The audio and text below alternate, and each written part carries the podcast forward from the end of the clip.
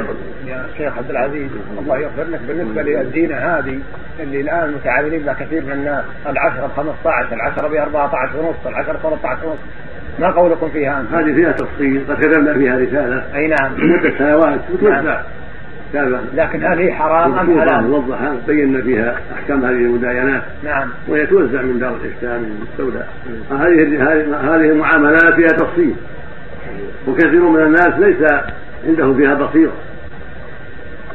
إذا كان الإنسان يبيع السلعة من سكر أو سيارات أو رز أو غير ذلك بعدما يحوزها. إذا كان في ملكه في دكانه في مخزنه ثم باعها على غيره إلى أجل معلوم فلا بأس. إذا باع مثلا السكر أو الرز أو الفوائد الخام أو السيارة وفي ملكه وبحوزته باعها إلى إلى أجل معلوم أو إلى اجال باقساط باعها السيارة التي تساوي عشرين ألف. باعه إياها إلى آجال بثلاثين ألف مثلا. كل شهر ألف أو كل شهر خمسمائة ريال أو كل سنة خمسة آلاف أو ستة آلاف. آجال معلومة وأقساط معلومة فلا حرج. فقد بيعت بريرة جارية في عهد النبي صلى الله عليه وسلم. باعها أهلها بالسعوات في تسع سنين كل سنة وقية والوقية أربعون درهما ثم اشترتها عائشة بنفسها واعتقتها هذا من بيع الأقساط وهكذا لو كان عنده خام في دكانه أو في بيته فباعه الخام إلى أجل معلوم بألف ريال بألفين بعشرة آلاف بخمسين ألفا بمئة ألف إلى أجل معلوم واحد أو إلى آجال متعددة معلومة. في كل أجل عشرة آلاف في كل أجل خمسة آلاف لكن بشرط أن تكون معلومة. الآجال معلومة والأقساط معلومة. فلا بأس. لقول الله جل وعلا يا أيها الذين آمنوا إذا تداينتم بدين إلى أجل مسمى فأباح لعباده هذا الدين. ولقول النبي صلى الله عليه وسلم لما قدم المدينة والناس يشركون في الثمار السنة والسنتين فقال عليه الصلاة والسلام من أسلف في شيء فليسلف في كيل معلوم. ووزن معلوم إلى أجل معلوم فإذا المبيعات معلومة والآجال معلومة فلا بأس.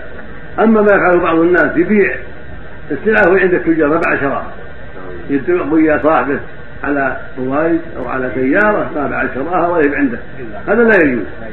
هذا لا يجوز.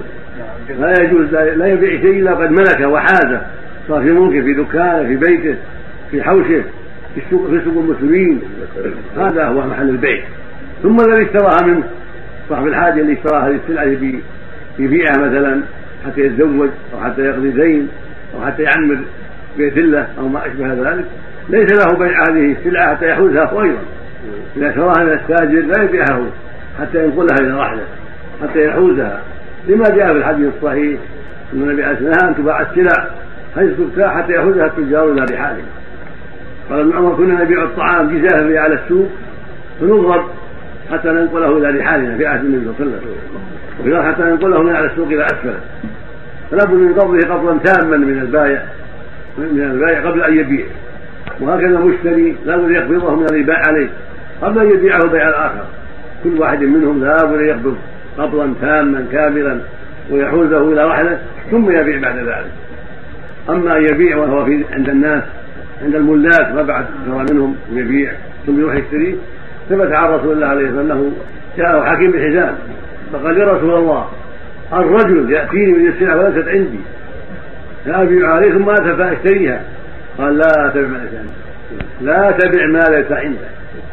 وقال صلى الله عليه وسلم لا يحل سلف البيع ولا بيع ما ليس عندك. فلا تبع على زيد ولا عمرو إلا شيء قد ملكته وحزته من التجار خمسة منهم. اشتريت منهم في بيتك في دكانك في مكان آخر ثم تبيع ولم يشتري منك ذلك إذا اشترى لا يبيع حتى يحوزها المفروض حتى ينقلها ما يخلي الطوايت أو الرز أو نحو عند التاجر يقول اشتري مني بعد هذا. لا وفق